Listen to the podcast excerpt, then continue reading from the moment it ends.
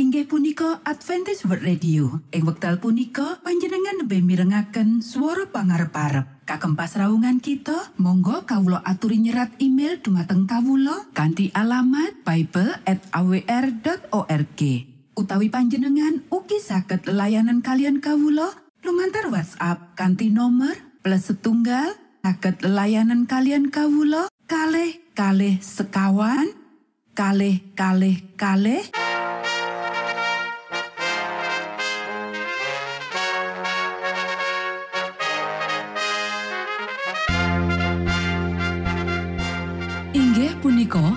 Adventist World Radio ingkang giaran kanthi basa Jawi.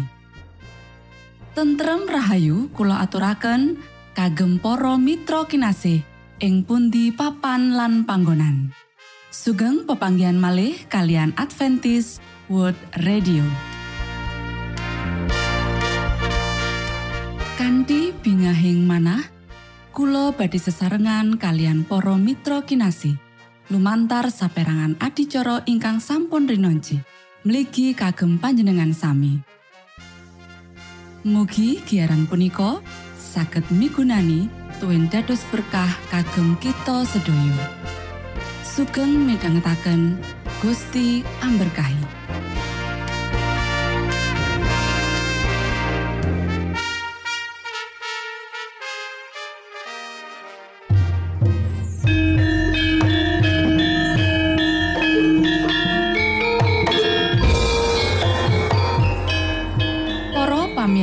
Kinasih ing Gusti Yesus Kristus, sugeng pinanggih malih kalian Adventist World Radio. Ing wekdal punika, kita badi sesarengan ing adicara ruang kesehatan ingkang saestu migunani kagem panjenengan saha kita sami. Tips utawi pitedah ingkang dipun aturaken ing program punika tetales dawuhipun Gusti ingkang dipunnyatakaken ing kitab suci. Semanten ugi sakehing seratan ingkang dipun wangsitaken dening Gusti Allah.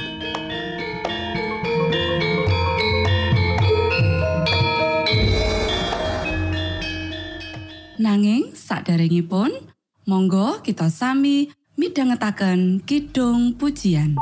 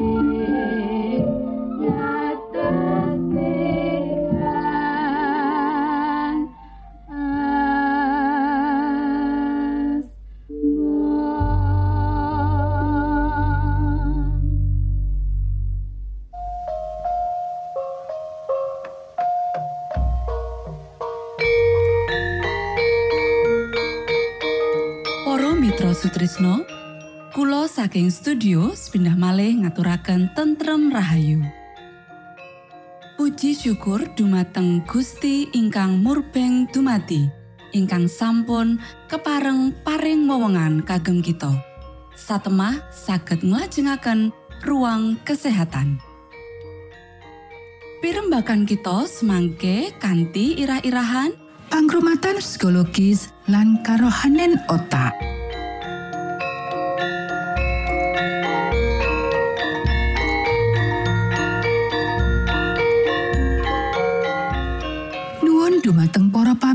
Kakung saha putri ingkang dahat kinurmatan.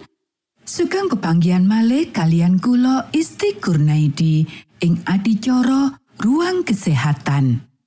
Ing dinten punika kanthi irah-irahan pangrumatan psikologis lan karohanen otak. Para sedherek ingkang kinasih, kasarasan kang komplit nyangkop kasarasan psikologis lan karohanen. Kanggo njaga kahanan otak tetep becik, mula fungsi intelektual, perasaan lan karohanen kudu diopeni.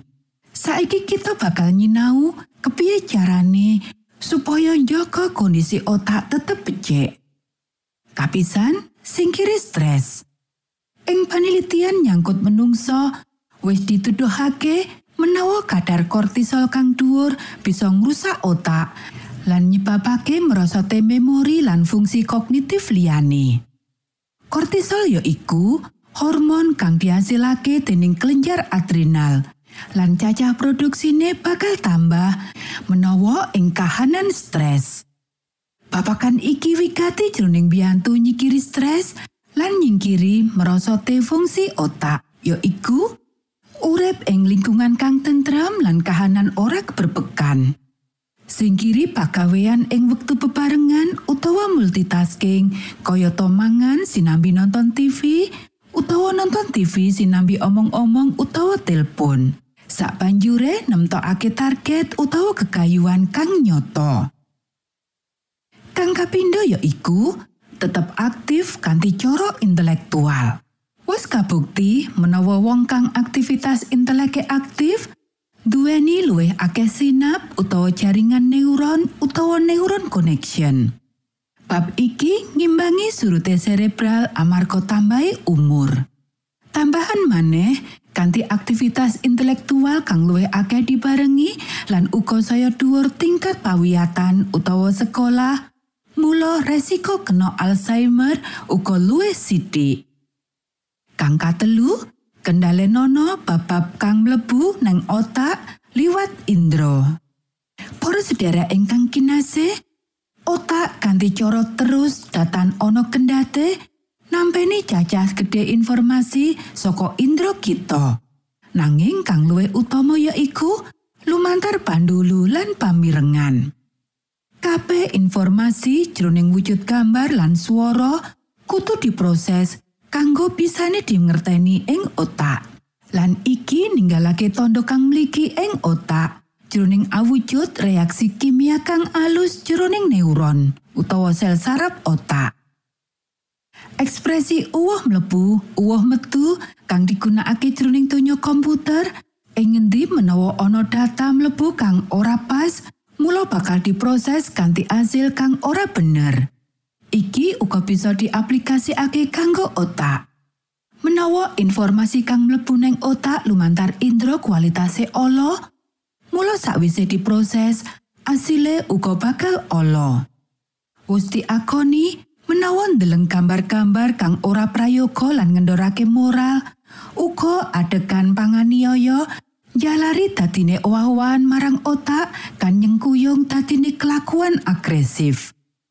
Ing bab liya, menawa indra pandulu digunakake kanggo ndeleng gambar-gambar kang positif, fungsi neuron bakal luwih becik lan pikiran bisa tumampek kang luwih dhuwur. Para sedherek ingkang kinasih, ora gampang ngendhaleni efek saka bab kang diproses ing otak saka informasi kang mlebu lumantar indra. Nadian mengkono, mokal banget lan uga wigati kanggo ngendhaleni bab-bab kang kita idini mlebu lumantar indra pandulu kita pamitanget kita lan uga lumantar indera kita liyane. Matur nuwun, Gusti amberkahi.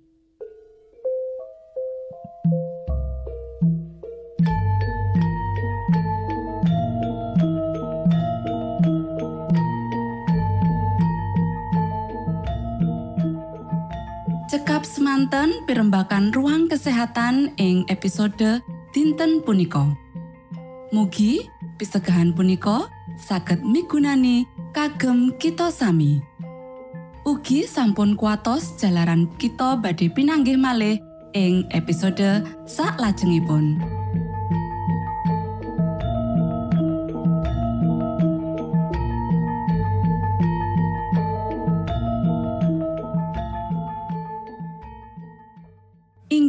Punika adicara ruang kesehatan.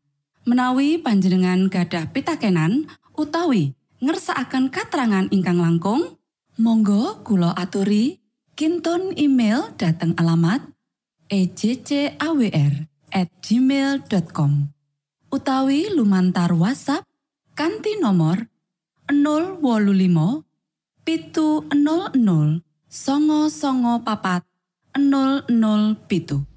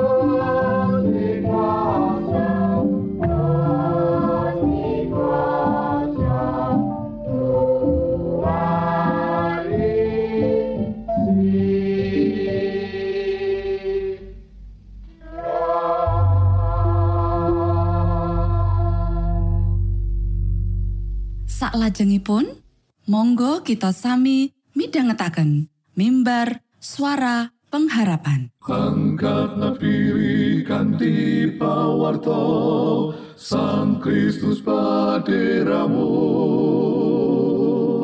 Pro umat samyo puji asmanyo Sang Kristus paderamu punika mimbar suara pengharapan. Ing episode punika kanthi irah-irahan Gusti Allah boten badhe minger saka sira. sugeng midhangetaken. Tondo Sang Kristus paderamu Ilmu kawero tambah lan tambah Sang Kristus paderamu Paderamu Paderamu Sang Kristus paderamu Shalom para pamirsa ingkang kinasih wonten ing Gusti sakmenika kita badhe mitangetaken renungan Sabda pangantikanipun Gusti ing dinten punika kanthi irah-irahan Gusti Allah boten badhe minger saka sira Para sedherek ingkang kinasih Sabda pangantikanipun Gusti wonten ing kitab Yohanan pasal 6 ayat 37 inggih punika Kabeh kang diparingake marang aku dening Sang Rama iku bakal padha marani aku. Sarta sapa kang marani aku ora bakal dak tampik. Para sederek ingkang kinasih, Gusti Yesus piyambak nalika manggen wonten tengah-tengahipun kita asring ndedonga. Pandonga dipun aturaken sakderengipun ngladosi lan nyucikaken saben tindakan pelatosanipun. Panjenenganipun manggihaken panglipuran lan sukarena salebetipun manunggil kalian sang romonipun. Lan menawi juru wilujeng kita putra Allah rumaos pikados nedonga kados pundi kita titahwantah ingkang ringkih lan dosa menika kedah ngraosaken wigatos nindakaken pandonga ingkang estu-estu lan lajeng kemawon. Para sedherek ingkang kinasih, sampun kagungan penggalih bilih amargi panjenengan sampun damel kalepatan amari pagesangan panjenengan sampun dipun petengaken kalian mapinten-pinten kalempatan pramila sang Rama kasuwargan panjenengan boten resnani panjenengan lan boten badhe mireng menawi panjenengan tetunggo manahipun ingkang kebak welas asih kajamah kalian kasisahan kita lan keporo kalian pengaken kita perkawis menika Boten wonten ingkang sakalangkung ageng kagem dipun tanggal panjenenganipun. Amargi panjenenganipun nyepeng jagat. Panjenenganipun ingkang meranata sedaya samukawis jagat raya. Boten wonten perkawis menapa kemawon ingkang sesambetan kalian tentrem rahayu kita ingkang sakalangkung alit kagem panjenenganipun kagem dipun katosaken. Boten wonten perangan pengalaman kita ingkang sakalangkung peteng kagem dipun waos panjenenganipun. Boten wonten kabingungan sakalangkung angel kagem panjenenganipun kagem dipun udari. Boten wonten ingkang dawah sakalangkung andhap, boten wonten ingkang sakalangkung nista satemah boten pikantuk pangluaran wonten salebetipun Sang Kristus. Para sedherek ingkang kinasih, menawi kita tansah ngutamekaken Gusti Allah, ngleremaken manah kita atur syukur lan mamuji panjenenganipun pramila kita badhe anggadhahi kasegeran lumintu wonten saklebetipun pagesangan agami kita. Pandonga-pandonga kita badhe arupi atur pangantikan kalian Gusti Allah.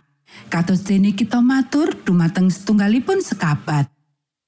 Panjenenganipun badhe ngandharaken wewatinipun dumateng kita mirungkan. Asring kita badhe ngraosaken karawuhanipun Gusti Yesus ingkang manis lan kebak sukoreno. Para sedherek ingkang kinasih, kados pundi entahipun menawi kita ndedonga kanthi estu-estu.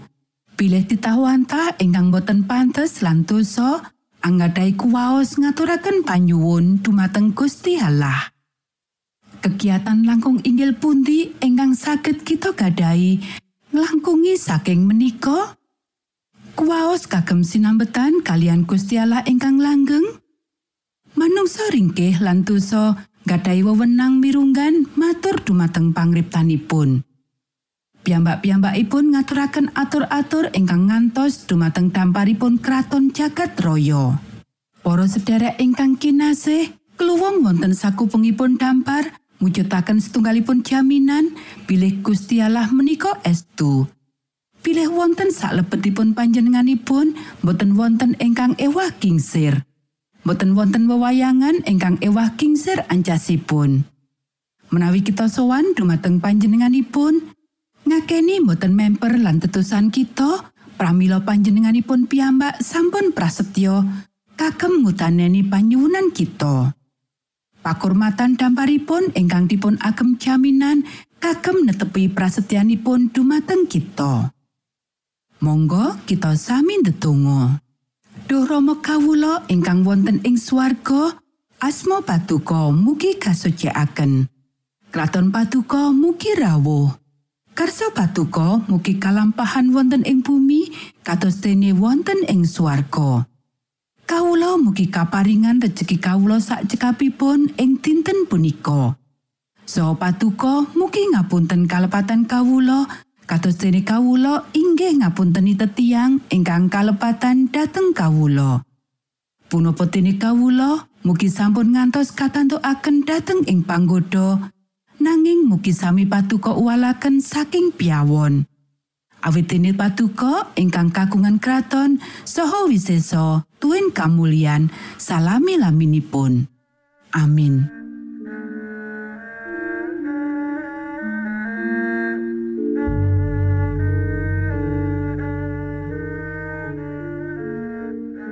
Para Mitra Sutrisno pamiarsa kinasih ing Gusti Yesus Kristus sampun paripurno pasamuan kita ing dinten punika. Menawi panjenengan gadah pitakenan utawi ngersaakan seri pelajaran Alkitab suara nubuatan Monggo Kulo aturi kinton email dateng alamat ejcawr gmail.com utawi lumantar WhatsApp kanti nomor 025 pitu 00 songo songo papat 00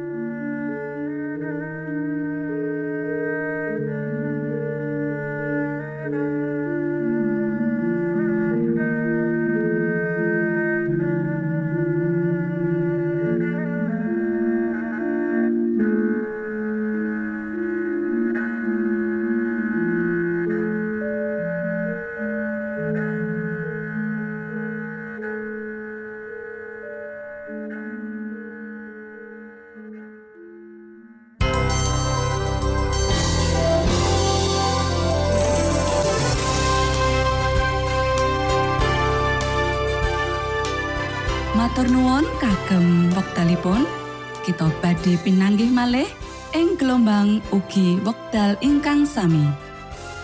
Saking studio kula ngaturaken tentrem rahayu. Gusti amberkahi kita sedoyo Maranata